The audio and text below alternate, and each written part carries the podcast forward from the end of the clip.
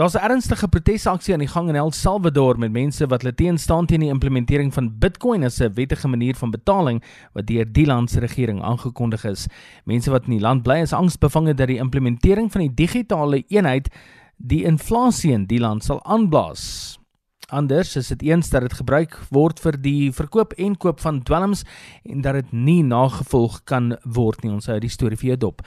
Elders is Facebook in die moeilikheid omdat hulle glo op tieners en veral meisies en hakkies gespioneer het. Eintlik het hulle navorsing sonder toestemming gedoen. Kom op dieselfde neer. Facebook het veral gefokus op die ouderdomsgroep 16 tot 22 en het spesifiek gefokus op hoe die platform bydra tot negatiewe neigings en tendense. Die Wall Street Journal het onlangs bevindinge bekend gemaak oor die negatiewe aspek van tegnologie op tieners veral ten opsigte van die popkultuur en hoe dit bydra tot depressie onder kinders en tieners.